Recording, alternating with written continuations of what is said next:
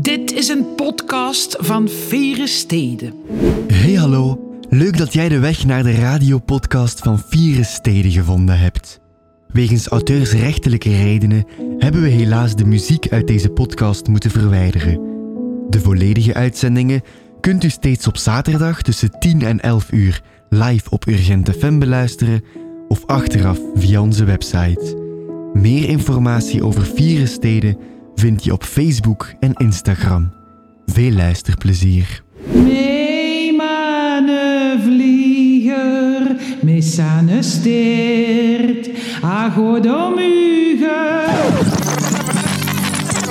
Vieren Steden. Vieren Steden. Live op Urgent FM. Met Jonas en Bert. Een hele goede morgen, zaterdag 22 januari, vandaag Vieren Steden. En dat helemaal live vanuit het Gravensteen in Gent. Goedemorgen. Urgent.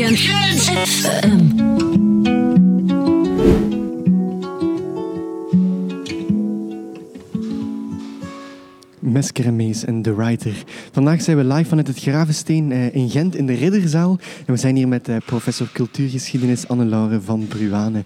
Goedemorgen Anne-Laure. Goedemorgen. Hoe gaat het? Goed, ja, ik ben heel blij om hier te zijn. Het is eigenlijk al heel lang geleden dat ik in het Gravensteen ben geweest. Dus uh, ja. ik ben blij. Ja. Je doseert cultuurgeschiedenis van de vroegmoderne tijd. En je doet onderzoek naar de laat-middeleeuwse Nederlanden. Uh, waarom maakt men het altijd zo ingewikkeld? Wat is vroegmoderne tijd en wanneer situeren zich de laat-middeleeuwen? U ziet, wij zijn leken. Ja.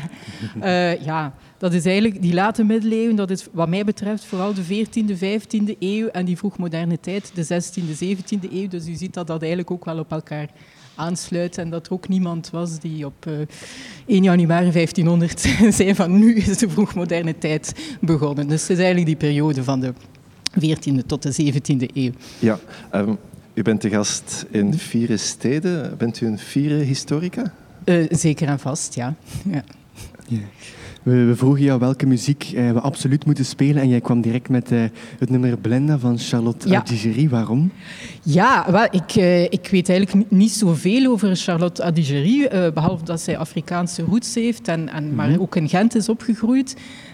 Maar dat nummer, Blenda, ik vind dat fantastisch. Dat speelt al weken in mijn hoofd, hè, die, die tekst. Ja. Het is een heel eenvoudig nummer, een, een dansnummer ook, maar die tekst is eigenlijk een van de uh, beste kritieken op racisme die ik eigenlijk al in, in lange tijd heb gehoord.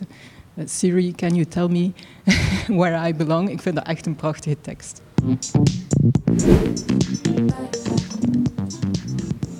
Anne-Laure, je bent uh, een historica. Wat, uh, wat doet een historica precies? Want ja, ik ken geschiedenis natuurlijk uh, als vak op school van ja, leuke verhaaltjes, maar data van buiten leren ook. situaties juist in de tijd kunnen kaderen. Wat, wat is de, de functie van een historica?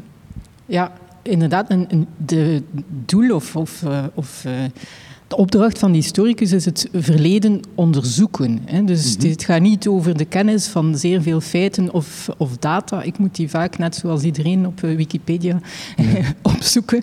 Uh, maar het gaat wel om, om ja, het verleden uh, beter te leren kennen, nieuwe feiten bloot te leggen uiteraard, maar ook nieuwe verbanden te leggen mm -hmm. en, en, en ja, nieuwe interpretaties uh, te geven aan dat verleden. En daarvoor heb je natuurlijk bronnen nodig. Hè. Dat is ons werkmateriaal. Uh, dat zijn in de eerste plaats geschreven uh, bronnen. Voor mijn peri periode zijn dat handgeschreven, maar ook al gedrukte uh, teksten. maar ik werk ook zeer veel met historisch beeldmateriaal. Mm -hmm. en dat kunnen natuurlijk ook objecten zijn. Dus eigenlijk alles wat overgeleverd is vanuit het verleden is een bron en kan ons iets leren over dat verleden. Yeah. En dat is eigenlijk de taak van de historicus om dat verleden te leren begrijpen. Van uh, heel die geschiedenis kies jij voor de late middeleeuwse en de vroegmoderne tijd. Waarom specifiek? Uh, ja, ik vind dat een ongemeen boeiende periode sowieso, maar zeker ook voor, voor onze regio en zeker ook voor de stad Gent. Uh, omdat dat een, een, periode is waarin Gent ja, haar historische hoogtepunt kent. Hè. Gent was een van de belangrijkste steden van, van Europa, hè, een heel belangrijk economisch centrum, een textielstad. Maar zeker ook in de 16e eeuw, dat is eigenlijk de periode waar ik het meest over werk, uh, een, een, stad die, die een heel bewogen geschiedenis kende. Mm -hmm. dus, dus, het tijd van, van opstanden. De meeste mensen kennen wel de opstand tegen keizer Karel in 1539, maar ook van de godsdienstoorlogen. Uh, ja, ketterij, vervolgingen van ketterij. Uh, minder bekend bijvoorbeeld is dat er in deze stad gedurende zeven jaar een Calvinistische republiek is geweest. Hè. Dus, mm -hmm. ja, een protestants uh, regime die ja, eigenlijk ja, een andere weg wilde inslaan op, op religieus vlak, maar toch ook heel veel veranderingen op, op cultureel, economisch vlak en zo heeft doorgevoerd. Dus dat probeer ik allemaal te bestuderen en daarom dat ik dat zo'n boeiende periode vind. Ja, dus het is echt wel zo dat uh, Gent een boeiende geschiedenis heeft. Ja, en, en de, de, geschiedenis van Gent beperkt zich natuurlijk niet tot, tot die late middeleeuwen mm -hmm. bijvoorbeeld. Hè. Wij hebben een paar jaar geleden een boek gepubliceerd, Gent, stad van alle tijden. Ik weet het, het is een beetje een wollige titel, maar het, het dekt wel de lading. Omdat natuurlijk Gent, uh, ook al in die vroegere middeleeuwen, toch een relatief belangrijk centrum was. En ook uh, na die, die 16e eeuw toch uh, ja, een, een, heel belangrijke provinciestad blijft. Mm -hmm. En zoals u wellicht weet, in de 19e eeuw opnieuw een enorme groei kent als centrum van de industriële revolutie ja. op, het, op het continent. Dus elke periode uit de geschiedenis van Gent is interessant. Ja. We gaan het straks nog uitgebreid over uh, de geschiedenis van Gent hebben. Uh, eerst nog even over, over geschiedkundigen. Waarom denk je dat uh, rond geschiedenis zo'n beetje een, een albollige bijklank hangt? Of is ja, dat verkeerd? dat zegt u, dat hou ik voor u rekening. Ik vind dat persoonlijk niet, omdat wat historici natuurlijk ook doen, is de, de vragen of de bekommernissen van vandaag uh, meenemen om, om op een nieuwe manier naar het verleden mhm. te kijken. Hè. Bijvoorbeeld nu wordt heel veel onderzoek gedaan rond epidemieën in het uh, verleden of mhm. milieuproblematieken in ja. het verleden. Dus het is eigenlijk onze bekommernissen van vandaag waar we dan gaan kijken hè, hoe ging men daar in het uh, verleden mee om. in mijn eigen geval is dat bijvoorbeeld intermedialiteit. Hè. Hoe, hoe werkten verschillende media, beeldcultuur, hoe speelde dat in dat verleden. Maar wat we niet doen, en dat is denk ik dan wel vaak het misverstand, is lessen trekken uit het verleden. En mensen denken vaak dat uh, historici mm -hmm. een soort moraalridders moeten zijn, die moeten vertellen uh, hoe het vroeger was en hoe het nu zou moeten zijn. Dat is mm -hmm. natuurlijk vooral een politiek verhaal en ik denk dat een goede historicus daar toch de nodige afstand van houdt. Ja. ja. En, en, hoe komt het dan, uh, denk je, dat een podcast of uh, een boek en een theatershow ondertussen ook al als uh, de Bourgondiërs van Bart van Loo dan plots wel een gigantische interesse in geschiedenis kan wekken bij de mensen? Ja, dat geeft natuurlijk aan dat u ongelijk heeft door te zeggen dat geschiedenis oudbollig is. en, en het is eigenlijk verbazend dat het in, in Vlaanderen zo lang geduurd heeft. Hè? Want als je kijkt ja. naar, naar de BBC bijvoorbeeld, ja, ja, die zenden heel wat uh, programma's uit over, over geschiedenis. Nederland is daar ook al mm. veel langer mee bezig. Bij ons moet dat dan allemaal een beetje trager gaan, maar Bart van Loo, die natuurlijk geen historicus uh, is, er is ook kritiek gekomen van historici op zijn beeld op die Bourgondiërs, maar wat, hij doet het toch maar. Mm -hmm. En hij brengt ook ja, dat bredere historische verhaal en ik denk dat dat een goede zaak is. Enerzijds heb je professionele historici nodig en anderzijds heb je publiekshistorici nodig. Ik denk dat het zo moet zijn. Oké, is dat iets wat op uw bucketlijst staat, een podcastreeks rond de vroegmoderne tijd? uh, ja, maar ik ben met heel veel uh, dergelijke zaken uh, bezig. Hè. We zijn, ik, ik, heb meegewerkt aan de geschiedenis van Vlaanderen, een, programma dat binnenkort op één komt, denk ik, hè, met Tom Waas. Ik ging zeggen Bart Waas, met de Tom Waas, die een beetje die, die geschiedenis uh, wil, wil gaan, mm gaan vertellen. Dus er is eigenlijk enorm veel bezig rond uh, geschiedenis. En, en, podcast is natuurlijk een heel toegankelijk en, en makkelijk uh, medium. Um, maar ja, wij hebben al aan zoveel boeken, tentoonstellingen en dergelijke meer meegewerkt, dat dat uiteraard een, een deel van onze opdracht is. Ja, veel historici zijn heel goede vertellers veel daarvan, of toch een aantal belanden daarna ook in de politiek. Is dat een, een logische stap omdat ze juist zo goede vertellers en verkopers zijn? Zo heb ik het nog nooit bekeken dat, dat het is omdat ze goede vertellers zijn, dat, het, mm -hmm. dat ze in de politiek staan. Ik denk dat, dat uh, zoals iedereen hebben historici natuurlijk politieke overtuigingen. Uh, mm -hmm. En de ene wordt al meer gedreven door die politieke overtuiging in zijn of haar onderzoek. Op zich is dat geen probleem, denk ik, als dat wordt uh, geëxpliciteerd.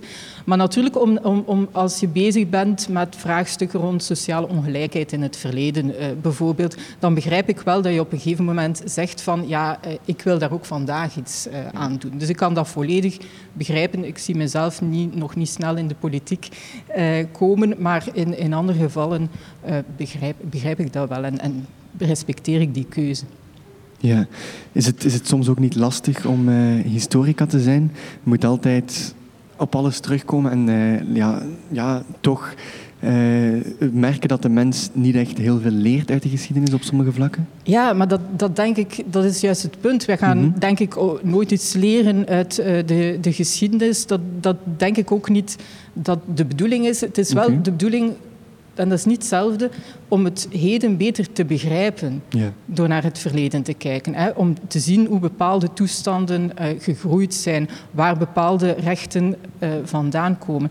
Dat is belangrijk. Maar om dan te zeggen van wij gaan nu lessen leren uit de fouten die gemaakt zijn uh, in jaar X of Y, dat lijkt mij nog altijd een zeer moeilijke zaak. Ja, terug naar muziek. Je hebt ook gekozen voor De Beren Gieren, instrumentale muziek. Waarom? Ja, ik ben een grote fan van jazz. Ik weet er dus helemaal niks van af, maar ik ben er wel een zeer grote fan van.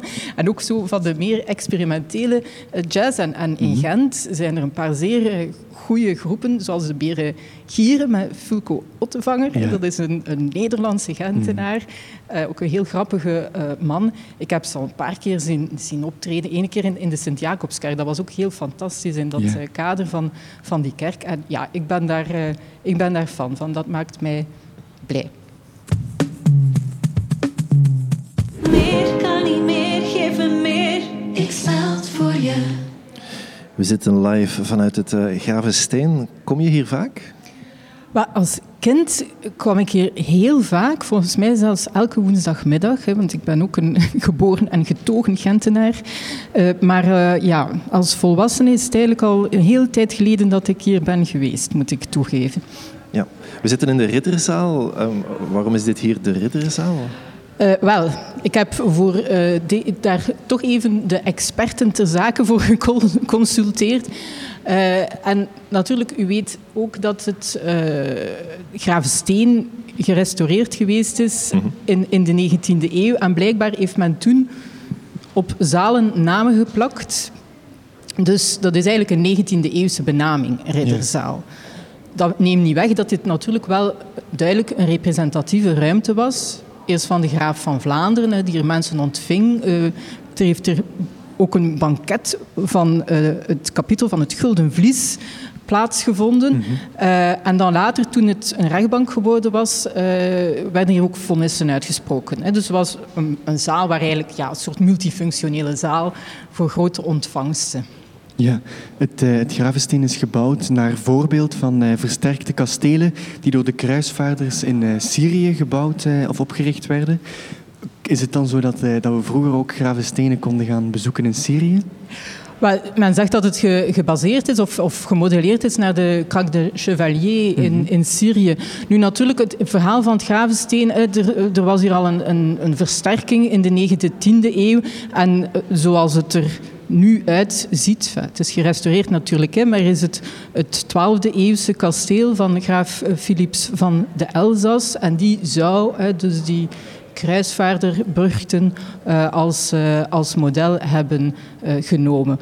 Maar het is tegelijkertijd een beetje verkeerd om het Gravensteen vooral als een militaire burcht te, te zien. Ja. Uh, uit het onderzoek is toch wel gebleken ik ben daar geen specialist in, hè, maar dat, dat het eigenlijk niet zo een, als militaire brug niet zo mhm. goed zou gefunctioneerd hebben, dat de ramen te groot waren bijvoorbeeld. Ja. Uh, en dat het toch vooral een residentiële functie had voor de graaf van Vlaanderen, die er wel nooit was, voor de duidelijkheid, hè, want die zat meestal in, in, in Lille of in uh, Valenciennes. Maar eigenlijk vooral een soort machtssymbool in de stad om te zeggen van dit is hier het machtscentrum van de graaf van Vlaanderen. Dat is dus als het ware de buitenverblijf. Ja. Buitenverblijf zou ik ook niet zeggen, want dat hadden ze natuurlijk ook. Hè. En dat was dan meestal met, met grote jachtgebieden. Hè. Uh, wat, wat het voornaamste uh, tijdverdrijf was van, van de hoge adel. Maar eigenlijk een soort, ja, een, een pied-à-terre zal ik zeggen, ja. uh, in Gent, die toch tegenover die steeds machtiger wordende stad moest aangeven van ja, ik ben hier wel de centrale factor. Ja. Je hebt het net al verteld, um, het is ook lang een rechtbank mm geweest. Hoe zit dat juist? Ah, wel, op een gegeven moment gaat de graaf van Vlaanderen, dus de normen over comfort beginnen toch wat te veranderen en gaat dus een nieuwe residentie kiezen in Gent, Hof ten Wallen verdwenen. Er is daar nog een klein, klein beetje resten van in het Prinsenhof. Ja. Uh, dus die trekt daar naartoe. Maar eigenlijk de administratieve uh, functies blijven, de muntslag en dergelijke meer. Maar vooral het belangrijkste is dat dit een rechtbank wordt. De Raad van Vlaanderen vanaf begin van de 15e tot de late 18e eeuw. Dus het is toch wel een zeer lange periode waarbij dit de belangrijkste rechtbank was, zowel voor burgerlijke als criminele zaken van het graafschap uh, Vlaanderen. En dus vooral een uh, beroepsrechtbank. Ja. ja, een van de, de meest bezochte zalen hier in het Gavesteen is de Folterkamer. Um, dat heeft dan te maken met die rechtbank. Ja, ja, zeker. En dat was ook waar ik als kind ook altijd naar uh, toe ging. ja, ja, ja. ja, want eh, men heeft vaak een verkeerd beeld van bestraffing in die periode. En men denkt dat uh, mensen vaak uh, ja, lijfstraffen en doodstraffen die werden uitgevoerd. Hè, voor de duidelijkheid, maar dat was toch de minderheid. Meestal kreeg men als straf een, een boete of een, of een verbanning of iets dergelijks. Uh, waarvoor was dan die tortuur? Dat is eigenlijk vooral vanaf de 16e eeuw, uh, door de verandering van het recht, zegt men men kan eigenlijk maar iemand veroordelen als hij een bekentenis heeft afgelegd. Mm -hmm. Dat is een zeer mooi principe natuurlijk. Zeker in een periode dat er geen DNA of zo is. Maar hè, om die bekentenis te bekomen, gaat men de tortuur gaan toepassen. Hè, dus ja. de foltering. En als iemand die tortuur doorstaat en niet bekend, goed, hè, dan is dat een goede zaak. Als je natuurlijk onder tortuur bekentenissen, echte of vals, valse aflegt, ja, dan uh, leidt dat tot een veroordeling. Klopt, want als men mij zou folteren, ga ik na een tijd toegeven dat ik fan ben van de Masked Singer. Um... Ja, ja, ja, inderdaad. En dat heeft natuurlijk uh, niet alleen hier, maar, maar uh, in die periode onder andere geleid tot de grote heksenvervolgingen. Hè? Want vrouwen ja. werden gefolterd, werden gevraagd om namen te noemen van andere heksen men noemde dan al de buurvrouwen op, of mhm. alle mhm. vriendinnen die men, uh, waar men een eitje mee te pellen had. En zo ging dat maar verder. Hè. Dus dat had natuurlijk wel enige consequenties. Klopt het dat mensenrechten niet zo hoog op de lijst van, van prioriteiten stonden toen? Ja, maar ik denk dat we dat toch een beetje moeten bekijken. Mensenrechten is natuurlijk een modern principe dat elke mens hè, in principe dezelfde rechten heeft. Of dat wij dat zelf consequent toepassen in onze eigen samenleving, dat is een andere vraag. Hè. Daar ga ik mij nu niet over uitspreken. Maar dat is niet hoe het werkte in het ancien regime, dus de periode voor 1800. Daar uh, was rechten waren zeer belangrijk, maar werden wel uh, toegekend aan bepaalde groepen. dus je, kent wel de drie standen, de mhm. adel, de klerus uh, en, en, de derde stand, de burgerij. En die hadden elk rechten, maar dat waren privileges eigen aan die specifieke groep. Dus als je tot eh, de klerus behoorde, dus de geestelijkheid, dan werd je berecht voor eigen rechtbanken bijvoorbeeld. Was je vrijgesteld van belastingen. Maar als je burger was van een stad, had jij ook bepaalde rechten. Dus men zag het niet als iets universeels, maar wel toegekend aan bepaalde groepen. En men echt hechtte daar heel veel belang aan. Hè. Daarmee dat, dat er werden zeer veel processen gevoerd. En de meeste processen waren geen criminele processen, maar burgerlijke processen, hè, over contracten en zo. Hè. Mhm. Dus het was een zeer gejuridiseerde maatschappij, maar uh, waar het wel zo was dat elke groep een andere set uh, rechten had. Ja, dus het beeld dat het vroeger allemaal veel primitiever was, klopt dan niet? Absoluut niet. En zeker niet dat er een soort willekeur uh, zou geweest zijn. Er was natuurlijk enorme grote sociale ongelijkheid. Hè. Dat gaat mhm. niemand ontkennen. Mhm. En er was armoede en zo. Hè. Dus ik wil zeker niet het verleden gaan uh, verheerlijken. Maar dat er, uh, de, het was wel een systeem, een zeer doordacht systeem. Hm?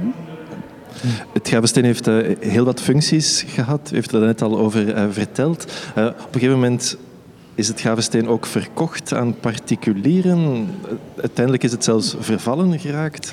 ja, dat? heeft natuurlijk te maken met het einde van dat ancien regime, dus de late 18e eeuw. Wat zie je? Enerzijds begint men te denken van ja, dat is hier toch maar een bouwval en, en men ook nieuwe moderne principes over rechtspraak en zo. Dus men wil hier weg, men gaat delen verkopen. En dan komt er ook dat einde van het ancien regime, dus met de, de Fransen die hier komen en die eigenlijk al die instellingen afschaffen. Dus de Raad van Vlaanderen verdwijnt, dus eigenlijk alle instellingen verdwijnen. En dan zie je een beweging dat er heel wat overheidsgebouwen, maar kerkelijke gebouwen, dus kerken, kloosters enzovoort, gaan ge, uh, verkocht worden aan particulieren. We zitten ook aan het begin van de industriële revolutie, dus wat gaan die daarmee doen? Die gaan daar fabrieken uh, in inrichten, in dit geval dus voornamelijk uh, spinnerijen. Maar ja, dat was een beetje de Wild West, zal ik maar zeggen. Dus dat bleef hier in bouwval. Er werden ook huizen aangebouwd en zo. Dus ja, dat kasteel, of wat daarvan overbleef, dat, dat, dat was in een steeds slechtere toestand. Maar het interessante natuurlijk is dat uh, in diezelfde 19e eeuw dan, juist doordat alles zo in verval was, er een nieuw historisch bewustzijn komt. Mm -hmm. En dat men met een zeer uh, romantische blik naar de middeleeuwen gaat kijken en denkt van ja, we zijn hier alles aan het verliezen, hè, we moeten ingrijpen. Uh, men heeft dan het voorbeeld van Carcassonne bijvoorbeeld, hè, dat wordt uh, gerestaureerd, natuurlijk op een zeer romantische manier, en men wil dat ook. En zo zal het Gravensteen gerestaureerd worden, ook met het oog op de wereldtentoonstelling van 1913 mm -hmm. hier in Gent, waarvan het thema de middeleeuwse stad was. Hè. Dus dat was natuurlijk ideaal. Ja. Is het belangrijk dat de mensen van Gent de kans krijgen om iets als het Gravensteen te bezoeken en te leren over onze geschiedenis? Ja, natuurlijk. Hè. Ja. Dus de, ja, de, de, ik denk dat geschiedenis is natuurlijk iets dat je de historicus dan ja, in, in documenten en zo, maar natuurlijk de, uh, de belangrijkste ontmoeting met de geschiedenis is op de plek zelf, ja, hè, wat men de historische absoluut. sensatie noemt. Hè. En, en, los van, van de discussie over het al dan niet gerestaureerd zijn, dit blijft natuurlijk een middeleeuws relict. Mm -hmm met een lange geschiedenis. Dus ik vind het zeer belangrijk dat, dat mensen dit, maar ook andere uh, middeleeuwse uh, en vroegmoderne monumenten in Gent kunnen bezoeken. Ja, het is een van de meest bezochte monumenten. Uh, er is nu ook heel veel volk nu al in de zaal. doet u dat goed? Ja, natuurlijk. natuurlijk maar het, het, is natuurlijk het, iets dat aanspreekt voor een heel grote groep toeristen, hè, ook internationaal. Hè, dat, is, dat, is, dat is evident. Er zijn andere sites die misschien wat moeilijker zijn in die zin dat je al veel meer uitleg moet geven over... Ja. Iedereen weet wat een kasteel is. Hè. Dat is niet zo moeilijk om uit te leggen. Mm -hmm. maar, maar andere is, uh, monumenten en sites, dat is al wat moeilijker. Hè. Dus toerisme heb je ook in, in verschillende niveaus, maar, maar dat, dat is uh, normaal, denk ik. Ja. We hoorden daar straks al uh, Charlotte Adigerie en de Beren Gieren. Je hebt nog iemand meegebracht vergeef me als ik het verkeerd uitspreek, Casey Woong. Goed uitgesproken, ja. Oké, okay, ik ken hem niet. Wie is het? Dat is een uh, hele goede vriend van mij, hè, Casey Woong. Hè, dus Kim Kalmijn, dus vandaar de Casey. Mm -hmm. uh, die al heel lang met uh, muziek bezig is. Um, en ik vind de laatste tijd ja, echt wel zijn eigen zeer persoonlijke weg is ingeslagen. Hij maakt Nederlandstalige pop met zeer persoonlijke nummers. Hè. Voor mij is dat zelfs... ik denk altijd, oh, ik zou dat zelf nooit uh, durven. Hè, maar je doet dat maar. Hij heeft er ook al prijzen mee gewonnen. Uh, en maar dat was ook vooral voor de corona, denk ik. Uh, hij doet huiskamerconcerten. Hè. Dus ik hoop dat hij dat okay. binnenkort weer kan mm -hmm. doen. En het is juist in die intieme context dat zijn, zijn nummers hè, uh, heel goed uitkomen. Want hij doet alles zelf. Hè. Dus hij speelt ja, alles ja, zelf. Ja. En met zo'n uh, ja, muziekcomputer, ik weet er allemaal niet zoveel van. Hij zingt zelf en zo. En dat zijn hele mooie, intimistische, Nederlandstalige nummers. Oké, okay, en dit nummer gaat over zijn eigen huis. Het heeft ook een fantastische videoclip. Echt wel eens de moeite om te gaan bekijken.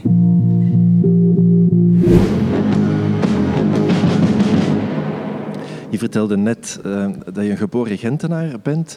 Vanuit geschiedkundig oogpunt had je graag in een andere stad. Was je graag in een andere stad geboren, een, een geschiedkundig interessantere stad?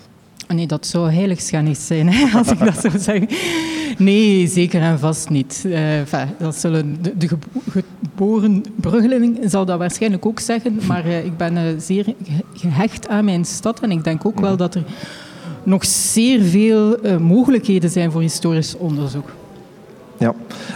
We zitten in het Gravensteen. Um, heel veel volk. Zijn er, zijn er verborgen parels in Gent waar de mensen eigenlijk ook zouden moeten naartoe gaan? Ja, absoluut. Eh, Gent heeft schitterende historische monumenten die veel minder gekend zijn en soms zelfs niet of zeer beperkt toegankelijk zijn. Ik denk bijvoorbeeld aan de Sint-Baafsabdij, aan de monding van de uh, Leien en, en de Schelde. Dat is, is grotendeels een ruïne die uh, wordt uh, samen met historische huizen opengehouden door de, de vrienden van de abdij, maar uh, ik dacht, dacht enkel in het weekend. en dat is eigenlijk een, een, onbekende site voor, voor veel mensen. En dan zijn er natuurlijk ook sites zoals het pand dat, de, dat door de universiteit spijtig genoeg zal verkocht worden. het is iets gecompliceerder dan dat, maar goed, de universiteit doet daar, uh, doet daar afstand van. En dan is een beetje de vrees van, ja, wat gaat er gebeuren? Dat is dus een oud Dominicanenklooster. Komt dat dan in privéhanden? Is dat dan nog toegankelijk uh, voor mensen? Dus dat is wel uh, iets waar ik mij zorgen ja. over maak. Maar persoonlijk, vanuit mijn eigen onderzoek, zeker van de laatste jaren, identificeer ik mij wel het meest met, met de kerken. Hè. De, de, ik ben hier aan het kijken naar jullie logo. Ik zie daar een aantal kerktorens ook uh, op staan. Uh, kerken zijn toch voor mij meest interessante historische sites, omdat ze enerzijds natuurlijk nog altijd die religieuze functie mm hebben, en anderzijds de geschiedenis tonen in die zin dat kerken meestal in de middeleeuwse periode gebouwd zijn, maar ook daarna verbouwd, aangebouwd enzovoort. En ook dat interieur is natuurlijk ingrijpend veranderd doorheen de e e eeuwen. En je ziet eigenlijk een soort opgestapeld verleden. Ik doe nu veel onderzoek rond de Sint-Baafskathedraal. Een heel groot deel van het interieur is natuurlijk 18e, 19e, zelfs 20e eeuw. Maar je hebt natuurlijk elementen wel die wel ouder zijn, hè, 16e eeuw. Mm -hmm. Er is uiteraard het Lam Gods, hè, grote pronkstuk uh, uit de 15e eeuw. En, en, en die gelaagdheid van, van zo'n uh, historisch monument is wat mij het meest interesseert. Voor mij moet het nooit puur zijn. Hè. Het moet, nee. stel met grafsteen, het moet niet het middeleeuwse grafsteen zijn of de middeleeuwse kathedraal. Het was trouwens toen nog geen kathedraal. Maar juist die geschiedenis en hoe, hoe zo'n gebouw verandert en, en om welke reden zo'n gebouw verandert, dat is voor mij het meest interessante. Dat is eigenlijk geschiedenis. Ja, en los van het historische, heb je favoriete plekjes in Gent waar je altijd naartoe trekt? Uh, los van het historische is dat voor mij, ik woon nu in Gentbrugge, hè, dus uh, is mhm. dat vooral de Gentbrugse meersen. Ik heb ja. daar wel mijn uh, hart verloren. Het is een heel klein stukje natuur en, en de E17 loopt er dan nog eens door. En dan moet je er wel bij nemen, maar het is toch wel een, een plek ja, waar ik heel vaak naartoe ga om, om te wandelen gewoon en, en waar ik tot, tot rust kan komen. Ja, eh, we zitten in het Gravensteen. Hier is een vergeetput. We hebben een rubriekje in Vieren Steden, de vergeetput. We vragen altijd aan de centrale gast om daar iets in te uh, vergeten. Wat is dat bij u? Ja, ik heb daar even over moeten nadenken. En mhm. eh, als, als het mag van jullie, zou ik eigenlijk iets in de vergeetput willen houden. Hè, dat daar eigenlijk al uh, is. Okay.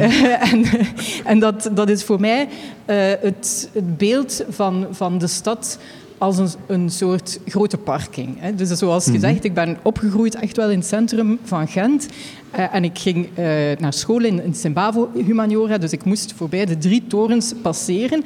Uh, en, en, wat kwam ik daar tegen? Geparkeerde auto's op de Gras- en de Korenlei, en geparkeerde ja. auto's op het Emil Braunplein, geparkeerde auto's op het Simbaafsplein. En dat, ja, de stad was gewoon één grote parking. Ik, ik toon ook soms nog die foto's aan mijn studenten van kijk, hè, mm.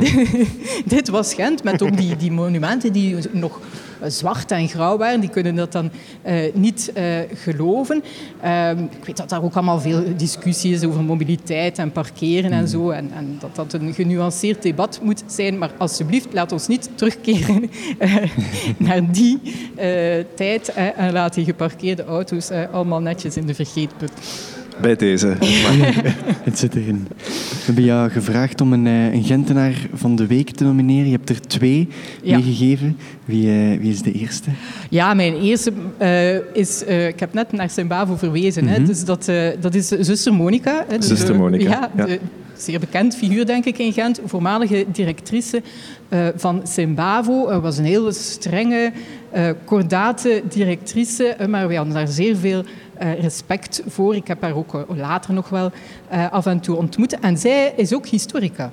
Ze heeft trouwens over uh, middeleeuws Gent een thesis geschreven. Weliswaar niet aan de Universiteit Gent, maar aan de KU Leuven, zoals dat hoorde in die tijd. Maar dat is haar vergeven. Uh, maar ik heb vernomen ja, dat zij natuurlijk zij is al zeer oud uh, ja. en haar gezondheid is niet meer zo goed. Ja, we hebben haar naar hier proberen halen, maar ze is inderdaad niet meer zo goed te been. En ze zit in een woonzorgcentrum ondertussen ook. Je hebt ook gekozen voor Christine de Weert. Wie is Christine en wat doet Ja, Christine uh, is iemand die ik enorm uh, bewonder. Hè. Christine is de directrice van het STAM, hè, dus het mm -hmm. Stadsmuseum. In feite heeft Gent al zeer lang een historisch museum, hè, dus het mm. Bijloken uh, Museum. Maar een, een, ja, een, aantal jaren terug is men dat volledig gaan vernieuwen en, en gaan moderniseren, zowel qua, qua opstelling als qua uh, werking. Uh, en daarin is, is Christine toch absoluut uh, de drijvende kracht. Ik, ik heb enorm veel bewondering hoe zij enerzijds heel veel respect heeft voor het uh, historische verhaal, uh, maar anderzijds ook op een zeer originele en vaak zeer ludieke manier ook het, het bredere publiek kan aanspreken. Hè. Mensen die, die niet snel geneigd zijn om, om naar een mhm. museum te gaan, uh, bijvoorbeeld opstelling is ook recent weer uh, vernieuwd. Men is ook nu heel sterk bezig met migratie, geschiedenis, decolonisatie uh, en dergelijke meer. Uh, dus ja, chapeau. Ik, denk, ik vind dat zij dat zeer goed doet. En dat is ook iemand die altijd zeer opgewekt en, en, en constructief is. Ja. Is het Stam een plaats waar iedereen naartoe zou moeten gaan? Ja, ja absoluut. Hè. Maar ik, ik, uh, ik denk dat de meeste Gentenaars het stam wel kennen. Mm -hmm. hè, al, al, was het maar voor die luchtfoto waarop je dan je eigen huis kan gaan zoeken. En dat is natuurlijk een briljant idee. Hè, uh, om zo mensen, enfin, toch de lokale mensen, uh, naar het museum mm -hmm. uit te nodigen. Um, maar, maar, maar het, is, het is ook een heel, ja, echt een heel toegankelijke manier om toch een idee te krijgen van die ja, niet zo gemakkelijke geschiedenis. Hè. Mhm. Juist door die gelaagdheid, hè, door die vele fases waarin Gent toch wel een belangrijke stad was, maar hè, met, met, andere economische sectoren, maar heel veel politieke, religieuze perikelen. En ik denk dat dat daar allemaal zeer aanschouwelijk wordt getoond. En ze doen ook uh, heel interessante uh, tentoonstellingen rond het brede thema van de stad. Als ik, de, degene die mij het meest heeft aangesproken, en trouwens mijn kinderen ook, was de uh, tentoonstelling Ondergronds. Dat hmm. ging ja, over. En dat waren allerlei aspecten van, van de ondergrondse stad. Uh, bijvoorbeeld uh, de rioleringen van Parijs. Hè, dus dat gaat dan mm. niet alleen over Gent. en, en dat is altijd zeer, zeer, mooi, zeer mooi gebracht.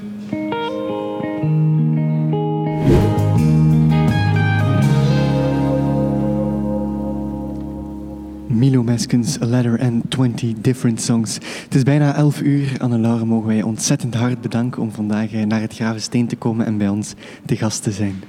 Heel graag gedaan. Wat, uh, wat zijn zo de plannen? Moet je nog online uh, lesgeven? Wel, ik hoop dat dat stilaan tot het uh, verleden gaat mm -hmm. behoren. We kregen gisteren toch bericht van de rector dat we normaal gezien in het tweede semester, dus midden februari, in een één op twee opstelling kunnen beginnen. Dus dat betekent wel dat, er, uh, dat ik voorzie dat er normale lessen gaan zijn. Ja. En ik kijk daar heel, heel hard naar uit, want ik weet hoe lastig dat het is voor, uh, voor de studenten.